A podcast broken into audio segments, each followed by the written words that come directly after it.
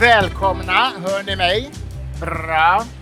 Välk Välkomna till Fri Tankes monter. Vi kör ju seminarier här hela tiden.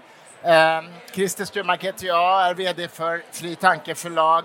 Och just nu ska vi tala om demokrati i X-tid. Det vill säga, alla vet ju att Elon Musk tog över Twitter, döpte om det till X, förändrade spelreglerna och eh, ja, denna, eh, denna man som saknar all form av impulskontroll, eh, antagligen megaloman eh, självbild, eh, säkert psykopatiska drag i sitt sätt att förhålla sig till sina medarbetare och omgivning finns att läsa om i den nyutkomna biografin av Walter Isaacson. Just det, som ser ut så där. Eh, eh, precis, jag lägger ner den. För det är inte det som är ämnet just nu, utan det är demokratin. Och jag har alltså Åsa Wikfors här, som ju är hyperaktuell med en bok som heter Filosofiska klargöranden i en grumlig tid, som handlar just om den här frågan. Åsa är som ni säkert vet professor i teoretisk filosofi, ledamot i Svenska akademin och har skrivit flera böcker om det här ämnet. Och eh, Olle Lidbom, du är ju kommunikationschef och medieanalytiker, driver Mediepodden men jobbar också som informationschef på Norstedts. Eller är det det som är din titel, informationschef? Den är av. Sådär då. Eh, nu blir det bättre. Nu ska jag få berätta min titel. Jag är kommunikationschef på Norstedts förlagsgrupp. Kommunikationschef, ja bra. Eh, och kommer med en bok eh, om ett år här på Just det, på Fri Tanke. Ja, mm. precis. Det blir spännande. Om skolplattformen, det Just kan det. vi ju säga, för det har vi offentliggjort. Ni vet det här IT-haveriet i Stockholms stad där, eh, där man har lagt ner över en miljard kronor på att bygga en app som inte fungerar. Ja, det är en lång historia, det är inte det vi ska tala om nu. Den tar vi nästa år. Det tar vi nästa år, ja precis. Men hörni, först och främst, jag börjar med dig Åsa. Du har ju skrivit både boken Alternativa fakta och Därför demokrati och, eh, och nu filosofiska klarlägganden.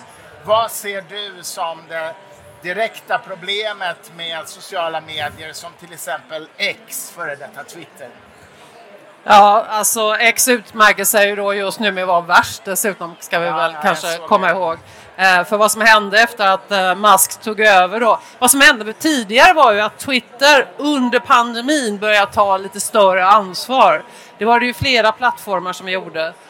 Um, har ni? Det känns som det snurrar. Ja.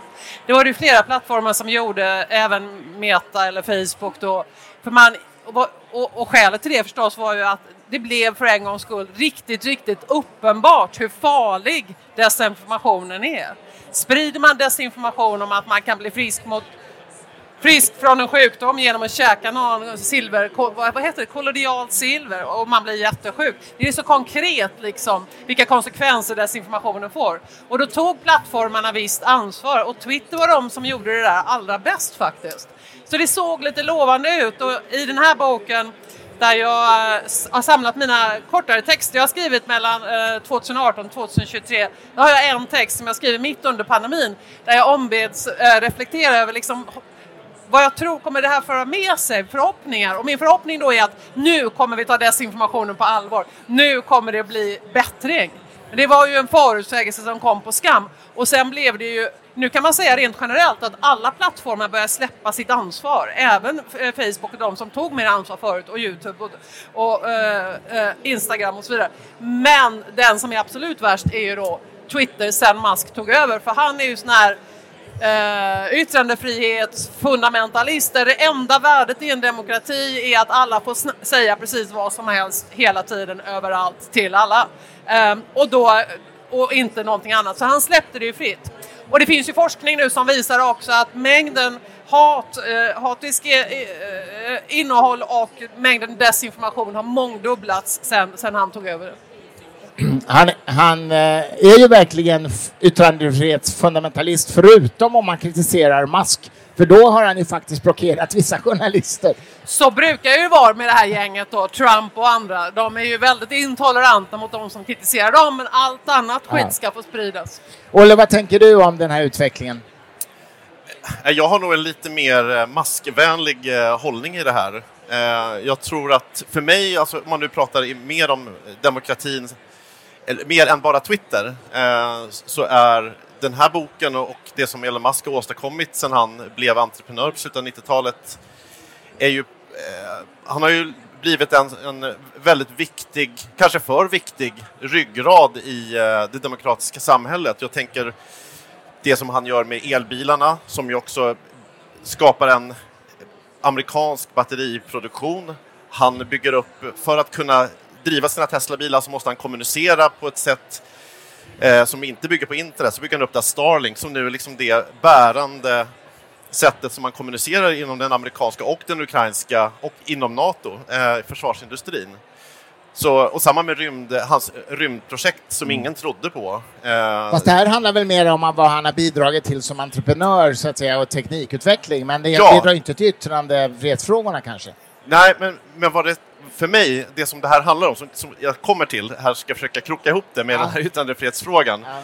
det är att det här är ett tecken på att det, det moderna samhället har lämnat walkover i ansvaret för att bygga struktur, infrastruktur, eh, varför har för, amerikanska försvarsindustrin lämnat walkover och valt att det här ska vi privatisera? Och det har öppnat för sådana här människor som Musk. Och detsamma tycker jag gäller yttrandefriheten. Det, liksom, det fria samhället har lämnat hela de här frågorna till att privatiseras. Ja. Och det, han är en opportunist där, han är inte en ond människa. Och jag, jag tycker det är hårdraget också, eh, Åsas tes här. Det är väl kanske därför vi står här. Ja, precis. Vilken tes då? Ja. Ja, men att, han är en, eh, en, att han är en fara för demokratin till exempel. Ja, eh, och det... även den, den, här, eh, det kom ju en rapport häromdagen som jag blev lite skakad av för att EU-kommissionen gick ut och sa att eh, Twitter är värst. Eh, så jag laddade ner den rapporten och läste den och det kan man säga att det är inte riktigt vad som står i den forskningsrapporten. Det är en väldigt gedigen forskningsrapport som de har tagit fram. Eh, men det är inte det som står där. Det står inte att Twitter är värst. LinkedIn är värst. Eh, så okay. Däremot så finns det saker som är i den rapporten som är, som är där Twitter är dåliga. Till exempel är det lätt att söka upp desinformation på Twitter. Men det är ganska få som använder Twitter som en sökmotor. Så att, det, det är också väldigt tacksamt då att välja just eh, Elon Musk som en eh, syndabock. Men grundfrågan här är väl ändå, ja, eh, vad, vad, innebär det att privatägda eh, kommunikationskanaler får så stor makt som X faktiskt har, före detta Twitter? Det vill säga, jag vet inte hur många miljoner människor som använder det, men det är jävligt många i alla fall. Och att det ändå är så att det inte finns någon reglering av detta. Det är ju privatägt. Han kan göra som han vill rent juridiskt. Ja, men var, varför är vi där då? Alltså, det är ju frivilligt, till skillnad mot försvarsindustrin och elbilarna. Frivilligt av vem, så att säga? Ja, men vi som använder det, och som för övrigt då blir allt färre. Eh, Twitter har ju haft väldigt svårt att behålla både annonsörer och ja. användare efter att Musk tog över det. Och jag tror att det har att göra med trött, trötthet på den här sortens sociala medier som är väldigt eh, oreglerat och eh, en väldigt osäker plats att eh, befinna sig på jämfört med många andra. Men eh, alltså, min tes då, den är ju inte tagen ur luften utan det finns ju mycket Nej, forskning absolut. som visar att det nya informationssamhället skadar demokratin påtagligt på ett antal olika sätt då. och då finns det vissa plattformar som är värre än andra och, och Twitter hör till en av de värsta nu, det kanske inte är alla värst då. Okay. Och den väldigt märkliga situation vi befinner oss i när liksom makten över det offentliga samtalet ligger så mycket hos de här privata aktörerna, precis som du säger då, eh, som länge då hävdade att vi publicerar ingenting, vi är bara en, en anslagstavla. Ni får sätta upp vad ni vill på vår anslagstavla, vi har inget ansvar för det. Men, men den, den linjen håller ju inte längre, därför att de, just därför att de har sån enorm makt över det offentliga samtalet. Eh, och det finns liksom ingen eh, det finns inget sätt att kringgå sociala medier. En utveckling man ser nu bland både också svenska politiker är att man helt enkelt kringgår traditionella medier. Man behöver inte bli intervjuad av en, en journalist som ställer svåra frågor utan man går ut i sina sociala mediekanaler och berättar hur det är istället. Det gör svenska politiker också. Så det finns ju sån enorm makt över det offentliga samtalet och vi kan inte bara som en demokrati lämna walkover då och säga anything goes, det blir jättebra, demokratin klarar det för ju mer saker som sprids desto bättre är det offentliga samtalet. Så är det inte. Nej. Det offentliga samtalet är djupt, djupt dis dysfunktionellt tror jag just nu. Av två skäl. Dels för att så mycket som sprids är ren desinformation och man kan inte föra ett samtal på basis av det falska. Det andra är att det är så pass mycket hat och hot som leder till självcensur, bland annat bland journalister som är centrala för det offentliga samtalet. Så att eh, man kan inte min tes det är inte mitt påhet utan den, är, den vilar på gedigen forskning. Eh, och det är också ett slående faktum att den här demokratiska tillbakagången som vi ser, som började runt omkring 2010-2011, den sammanfaller ju helt i tid med det nya medielandskapet med eh, sociala medier, med att vi fick våra små eh, iPhones och så vidare. Så att det, det, här ska man ta på största allvar. Det ska man absolut göra. Oj, men, eh, det jag om man nu ska prata just Twitter eller X och Elon Musk, så jag känner ett, ett hopp här i att det finns en medieägare som är en person. För det har Twitter saknat under väldigt lång tid och vi har haft liksom saudiarabiska ägare till Twitter, vi har haft ryska oligarker, det har varit riskkapitalister som har haft extremt kortsiktighet när man har kontrollerat Twitter. Eh, och det tycker jag är positivt, att vi har nu en medieägare som är av kött och blod. Och sen, har, sen leder det fram till att vi väldigt snabba på att kritisera honom därför att han också är en person som ställer sig i arenan och säger att det här vill jag, det här tycker jag. Sen kanske man inte alltid håller med honom. Men jag tycker det är en positiv utveckling att vi har medieägare som är synliga och som berättar vad de vill. För det har inte de andra sociala medieplattformarna. Men Olle, alltså problemet med Elon Musk är väl att han inte vet vad han vill. Han har ju eh, han har ingen impulskontroll. Han agerar ju helt irrationellt många gånger och han är ju inte konsekvent. Det framgår väldigt tydligt i den här biografin. Så jag menar, det är ju ingen stabil, långsiktig mediaägare med en strategi och vision. Det, det kan man inte påstå med bästa vilja, ärligt talat. Nej, men jag tycker man ska dela Elon Musk i två delar också. Dels är det det som han faktiskt har velat sen, som framgår i den här boken, sedan han blev eh, liksom, vuxen egentligen. Och det är att han vill åka till Mars och han vill att, köra med elbil. Ja, det, det, är ju det som driver allt han gör. Ja. Eh, och, och eh, nu, nu har han nästan kommit till Mars och elbilarna har han, har han fått. Och jag tror att man ska tänka att det är det han också vill åstadkomma här med, med, med Twitter. Det, det finns en sorts grundläggande frihetlig idé om hur yttrandefriheten ska se ut, att den ska vara som en anslagstavla. Så kan vi tycka att det är dåligt. Men den andra delen av honom, det är att han är en clown. Alltså, han lever och har byggt sin förmögenhet på att säga saker som upprör, saker som man tror inte är sanna att en människa kan säga. Han säger, um, eh, let, han säger jag ska köpa Twitter, let that sink in. Sen när han köper Twitter, vad gör han då? Då går han och köper ett tvättställ, alltså a sink, så bär han in det på Twitter. Ja. Så lägger han upp en bild och säger let that sink in. Ja. Alltså han är en clown, han hittar ja. på clownerier. Och det, det, får man, jag, jag väljer i alla fall att se det som en show, ett sätt för honom att hålla sig relevant, att, att eh, bibehålla ett intresse kring sig som person som gör att han kan attrahera kapital och som också gör att han har en, en plats i offentligheten. Mm. Så jag tror man ska dela de här två delarna av Elon Musk 2. Men Åsa, vad tänker du? Är, vad är den så att säga, konkreta sättet att lösa det här då? För Twitter X är ju trots allt ett privatägt företag ja. som ju kan välja vilka de vill ha där så att säga, i någon mening. Visst, så är det och eh, det måste man komma ihåg och det, det hänger också samman med när man när, när Twitter och Facebook tidigare då har försökt att moderera innehåll eller plocka bort innehåll, då blev det ju ett väldigt skrik om att det, de inskränker yttrandefriheten, men det gör de ju inte för de är privata aktörer. Mm. Yttrandefriheten handlar om statliga inskränkningar av människors rätt att yttra sig. Och som privata aktörer är de inte tvungna att publicera eh, konspirationsteorier och sådär. Så, att, så det är en Men sak. de får göra det? De får samtidigt göra det och då måste vi ju ta den där nästa steg också och då titta på eh, när de här aktörerna, och det är därför tycker jag också att ytterst kan man säga att det är problematiskt att de här besluten ligger just i deras händer om vad som ska plockas bort. För det är ju bara en tillfällighet att eh, man har varit villig att plocka bort desinformation, man kanske också andra aktörer kan vara villiga att plocka bort det som är kunskap och som är viktigt då. Så jag tycker inte man ska låta det ligga i deras händer helt enkelt, utan vi måste styra upp det här på demokratisk väg, det vill säga via lagstiftning. Man ser till Europa nu, det är väldigt intressant, vi pratade om det i förmiddags här, så ser man ju att vi har ju fått, till skillnad från i USA, för där är ju yttrandefrihetsfundamentalismen väldigt, väldigt stark. Där gör alla försök att reglera där möter ju eh, direkt på, stöter på patrull. Ja. Medan i Europa så har vi nu en lagstiftning, Digital Services Act, som jag skriver lite om här också, GSA, som finns på plats sedan ett par år tillbaka som går att använda för att se till att eh, det här inte är den här anarkin som råder på plattformarna nu kan styras upp. Mm. Och det kan man göra genom att, det behöver inte innebära alls att man förbjuder visst innehåll, men däremot att man modererar innehåll, att man eh, är tvungen att vara, eh, öka transparensen runt de här algoritmerna, att man länkar till faktagranskning och sådär. Och nu har vi ett intressant exempel precis i veckan, nämligen Slovakien där vi vet att enormt mycket desinformation har använts för att ge eh, stöd till den här proryska politikern då, som förmodligen kommer att vinna valet. Och det är direkt eh, mängd desinformation, en väldigt systematisk propagandakampanj som har pågått. Och nu kommer förmodligen han att vinna och det kommer att få enorma konsekvenser för Europa.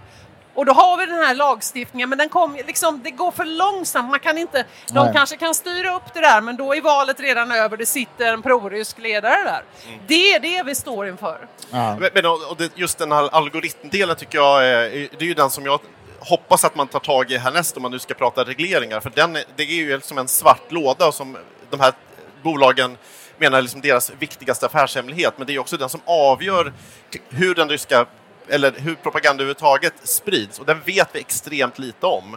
Och jag, jag brukar tänka att det är som med, med läkemedelsindustrin, alltså läkemedelsindustrin måste rapportera hur deras, rapport, hur deras mediciner är konstruerade till Läkemedelsverket för att bli godkända. Sen så betyder inte det att alla kan ta del av hur de, är, hur de fungerar, men det måste finnas en kontrollinstans som berättar som vet hur de här algoritmerna är konstruerade. Och det ser vi i USA nu för att TikTok om alla kommer ihåg, Trump skulle ju slänga ut TikTok ur USA. Eh, det lyckades han inte med, men han lyckades få till ett, eh, en hårdare granskning av TikTok av deras kinesiska ägare ByteDance som har inneburit att Biden eh, har fortsatt att pressa TikTok och nu ser det ut som att det ligger förslag där den amerikanska justitiedepartementet kan gå in och granska TikToks eh, algoritmer och hur de föreslår saker för sina användare och så. Det är ett, ett, ett steg då i den riktningen som så länge det är i goda händer i alla fall är positivt. Ja, nej men den kunskapen, alltså det kommer att ske i Europa nu då. Man kommer att kräva transparens vad det gäller algoritmerna. Så vi ser varför vi får på vår plattform det innehåll vi får, så vi förstår vad som pågår. Det är enormt viktigt.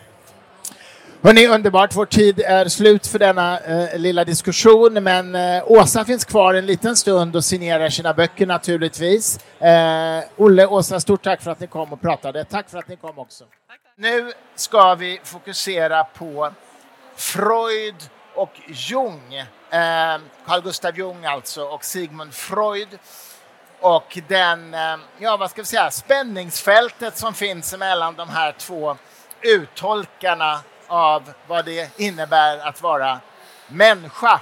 Och det här är ju ett ämne som, får man nog säga, har ökat i aktualitet och i samtidsdebatten och kulturdebatten de senaste åren.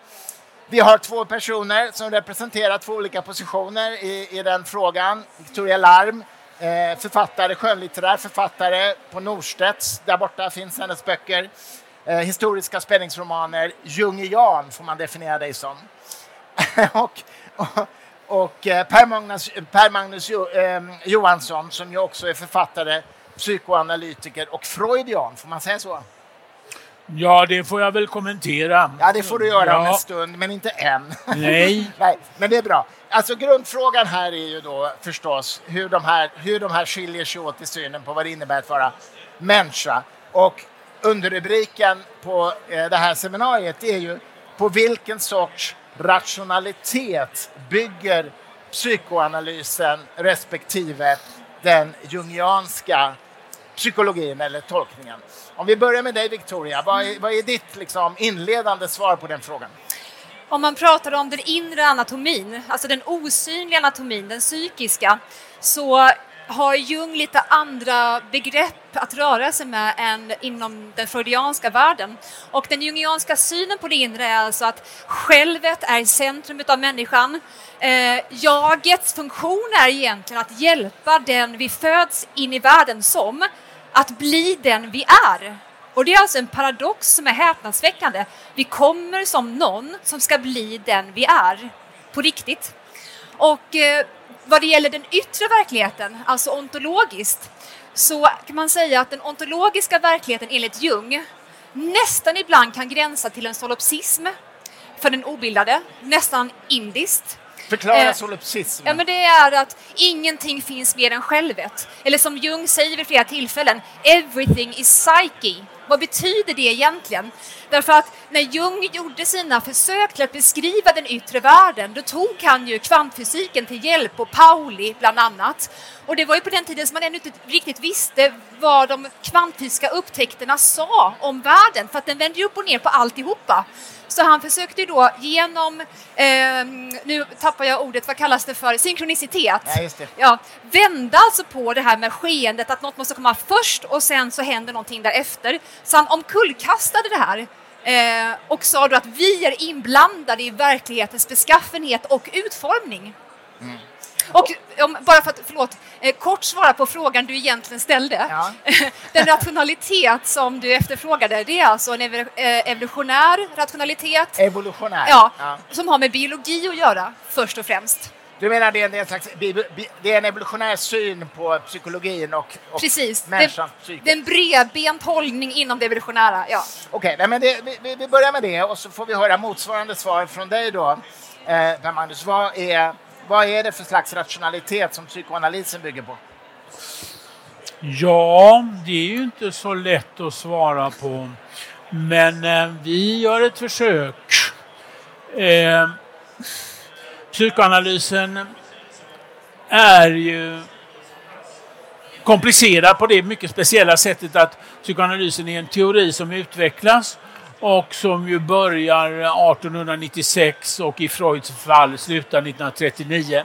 Och därefter sker det ju utläsningar av vad Freud har sagt och man diskuterar vad betyder det, vad betyder det inte. Och om man då hänvisar till eh, den franska traditionen som jag känner relativt väl till eftersom jag har varit i Paris i ett antal decennier och utbildat mig där. Så läser man Freud på det sättet som att den rationalitet eller den utgångspunkt man har för människan är att hon i sitt fundament är en språklig varelse. Och det betyder också att egentligen psykoanalysens eh, främsta referens är skönlitteraturen, eh, poesin, dramat och i någon mån också filosofin på ett alldeles speciellt sätt man utgår väl ifrån att det finns någon form av motsättning mellan det irrationella och det rationella och att människans irrationalitet spelar henne vissa spratt och att psykoanalytikern ska försöka och hjälpa den här förvirrade människan till att bli något mer rationell. Även om förhoppningarna kring rationalitet Eh, är, är ganska begränsade.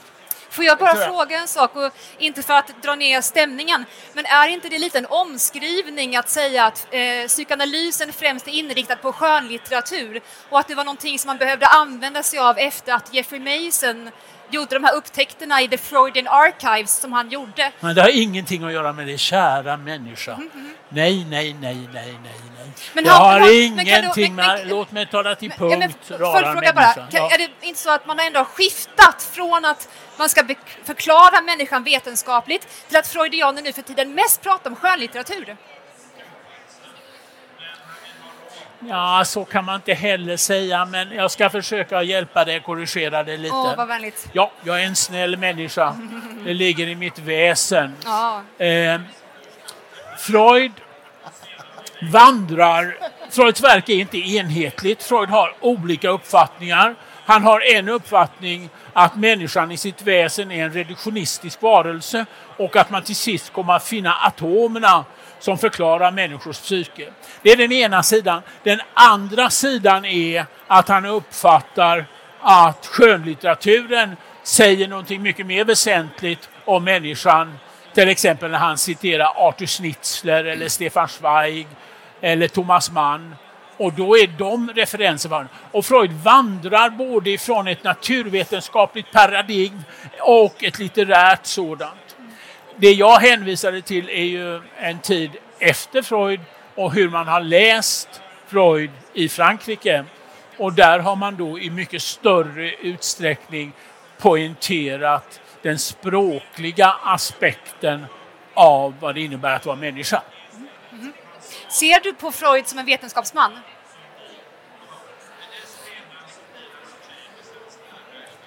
Då får man säga, vad menar man med ordet vetenskapsman? Om man med vetenskapsman menar det som man på franska kallar la science exacte, naturvetenskap på svenska, så är Freud ingen vetenskapsman under inga omständigheter.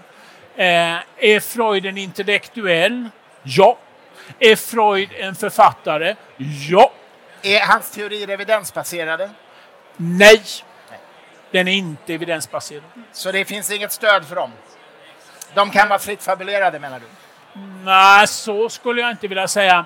Vad som finns stöd för är att själva iscensättningen, att en människa lyssnar på en annan människa och gör det fullt ut med känslighet, intuition och intelligens. Det är väldigt mycket som tyder på att några människor har nytta av det. Precis som det är ganska mycket som tyder på att alla har inte nytta av det. Men får jag fråga, har det ibland lett till eh, problematiska tolkningar? Jag tänker på att i Frankrike trodde man ju väldigt länge att autism hos barn berodde på känslokalla mödrar till exempel med stöd i freudianska teorier. Det är ju ingen, ingen psykolog idag som i andra delar av världen som tror att autism beror på det. Men Frankrike vidhöll man det väldigt länge. Alltså din uppfattning där, Frankrike är fel ord.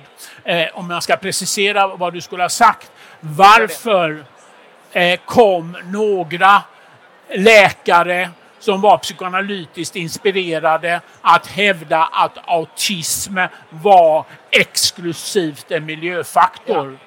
Det, är den, det är den direkta eh, frågan. Och svaret på den frågan är, som i alla psykologiska teorier, eh, så är det, finns det bruk och missbruk.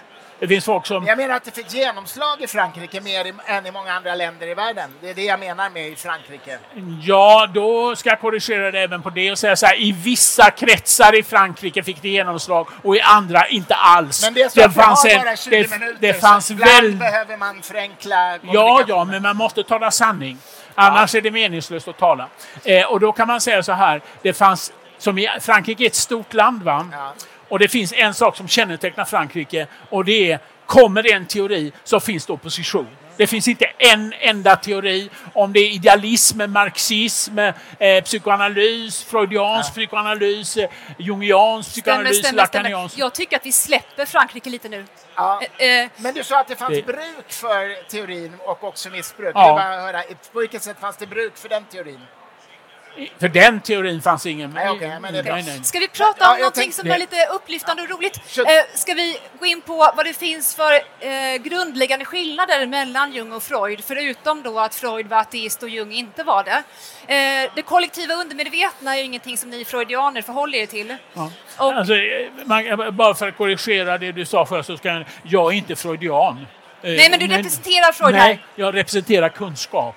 Okej. Okay. Det, det, det, det, är men det gör annat. vi med. Ja. Men, du kan, men vi kan åtminstone säga så här, du kan mest om Freud av oss tre. Så när jag nämner Freud, då hoppas jag att du svarar och inte Christer. För det vore katastrof, tro mig. Garanterat. Christer får gärna svara om han har andra tankar. Men kunskap representerar vi alla. Eh, så, så det, det kollektiva I alla fall. Ja. Eh, Okej, valfri person av er två då, för att svara på det här. Eh, Jungianerna förhåller sig till det undermedvetna som någonting som inte bara är alltså material som är självupplevt, utan vi kommer in i världen med ett undermedvetet, med ett kollektivt undermedvetet, som det bubblar upp saker ifrån, som tar sig uttryck genom oss och som det blir också jagets funktion att sortera kan till och med hjälpa oss, de här sakerna som kommer upp. Medan då freudianer tror att allting som passerar genom det undermedvetna har med den egna självupplevelsen och omgivningen och dess historia att göra. Hur ser du på det? Ja, då citerar jag den inledande frasen i masspsykologi och jaganalys från 1921. Vad säger Freud där? Han säger så här att individualpsykologin i sitt väsen är alltid masspsykologi. Det vill säga individ och samhälle befinner sig alltid i en interaktion och det finns inga möjligheter att tänka sig det omedvetna så som ett begrepp som kommer från, som du säger, självet eller från personen, mm. utan det sker i en interaktion eh, mellan personen, personens historia, de historiska betingelserna som finns och sättet på vilket personen i, i det specifika miljö växer upp.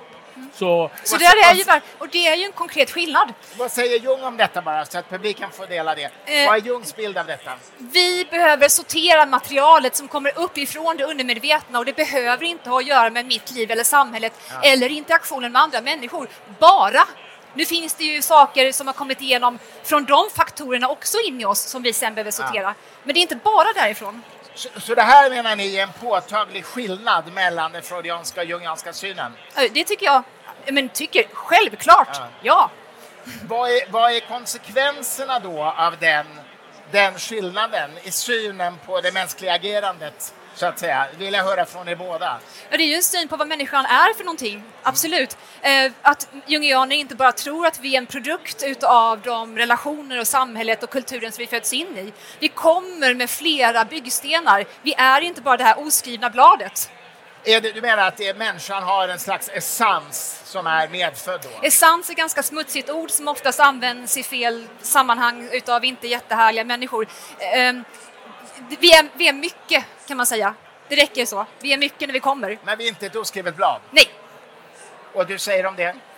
Då säger jag så här att den 13 eh, mars 1896 skriver Freud följande. Människan har fram till nu studerats enbart utifrån de konstitutionella faktorerna. Men människan är mer än de konstitutionella faktorerna. Människan är en interaktion mellan det accidentella och det konstitutionella. Men vi psykoanalytiker har aldrig någonsin tänkt tanken att vi inte också har en konstitution och den konstitutionen är avgörande för hur vi människor blir. Men det är inte enbart konstitutionen som avgör hur vi blir. Men menar jag Nej, absolut. Nej, jag säger, enbart. Eh, det du menar skulle jag säga är eh, en infrastruktur som vi kommer med som sorterar det materialet som flödar in i oss. Nej, nej, nej. Inte? Jag menar att vi, har, att vi är biologiska varelser. Ja, självklart. Vad i det jag sa motsäger det? När jag talar om konstitution så talar jag i, i, i det fallet när jag refererar Självklart till Självklart är vi biologiska varelser. Just det, vad bra. Mm. Mm. Du är också en biologisk varelse.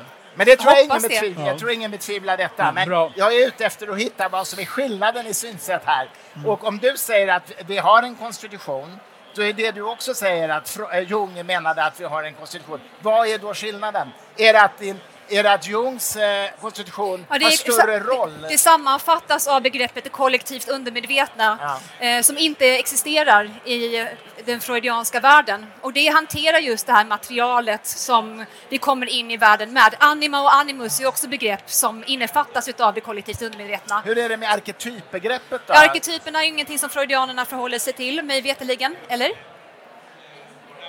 Eller var han lite och nosade på det med Moses och Aknaton? Man kan säga så här att för att tala som idé och lärdomshistoriker som jag är. Jag skrev i min avhandling i idé och lärdomshistoria, då ska vi tala om det. Nämligen följande. Att det som kännetecknar psykologiska teorier, och du vittnar ganska väl om det, och det är ett allvarligt problem som jag uppfattar det. Alla psykologiska teorier, det gäller eh, troende freudianer, troende jungianer, troende kleinianer, eh, troende lacanianer.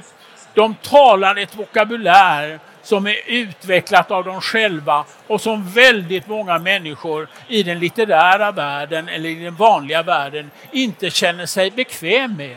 Det är fikonbegrepp på olika sätt.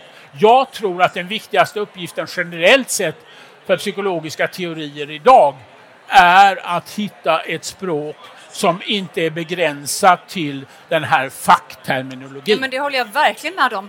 Och att det är språkspel. Man får inte heller förväxla språkspelet med verkligheten eller kartan med, vad kallar man det för, kartan med terrängen. Med terrängen. Ja. Det, det håller jag verkligen med om. Mm. Men jag skulle vilja höra, det, det har ju förekommit en del diskussioner om så att säga, missbruk av Freuds teorier, vi var inne på den här autismgrejen, eller Margit Norells psykoanalytiska sekt, eh, Thomas Quick och allt det här.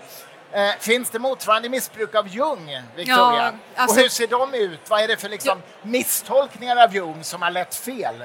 Eh, Myers Briggs skulle jag säga är ett tecken på det som också uppvisar sektbeteenden. Ja. De finns i Florida bland annat i någon borgliknande ja. anstalt som det är svårt att komma in i. Men, men Myers Briggs är personlighetstest alltså? Ja, precis. Det är det du menar? Ja. Men sen så, jag menar, Jung var redan medveten om risken med att göra feltolkningar av honom och det är ju självklart att är man så pass bred och eh, som Jung var så kommer det bli massa grupper som tolkar det på ett sådant sätt som tjänar dem bäst, inte minst ekonomiskt. Ja. Och eh, Jung sa ju själv innan han dog, när han fick höra om de här grupperna som bildades då i Zürich, ja, tack och lov är jag själv åtminstone inte en jungian. Så han var, inte, han var inte ett fan av dem. Nej. Att man skapar de här kulterna i princip. Ja. Man kan bara säga en kort, du nämnde Margit Norell. Ja. Och där har vi ytterligare ett exempel. Hon var ju naturligtvis inte freudian, hon var inte jungian, utan hon hade en mycket speciell uppfattning hur människor knyter an till varandra. Jag intervjuade henne och blev kallad av Socialstyrelsen för att diskutera hennes speciella fall. Och hon var en person, jag lärde känna henne relativt väl eftersom det ingick i mitt avhandlingsarbete. Hon avskydde psykoanalys, hon avskydde eh, psykoanalytiska föreningen i Stockholm. Hon var i, i, på Odenplan och där hade hon en mottagning där hon hade målat himlen alldeles blå för patienterna skulle känna den befrielse det var att se en blå himmel. Hon hade absolut låst sig vid en föreställning om att den här stackars mördaren Thomas Quick hade bortträngda minnen knuten till eh, starka eh, brott i sin anknytning. Mm. Och hon var eh, omöjlig att tala med för hon var precis som jag beskrev innan knuten till de här begreppen som för henne var omöjliga att befria sig från. Mm. Hon älskade de orden. Bara en kort skillnad till som jag tycker är intressant, det är ju terapeutens roll i samtal med eh, patienten. Och Jung sa att ifall inte terapeuten själv har blivit förändrad och förvandlad utav samtalet, då har inte samtalet varit fruktbart för patienten. Det är alltså en interaktion de två emellan som måste ta vid.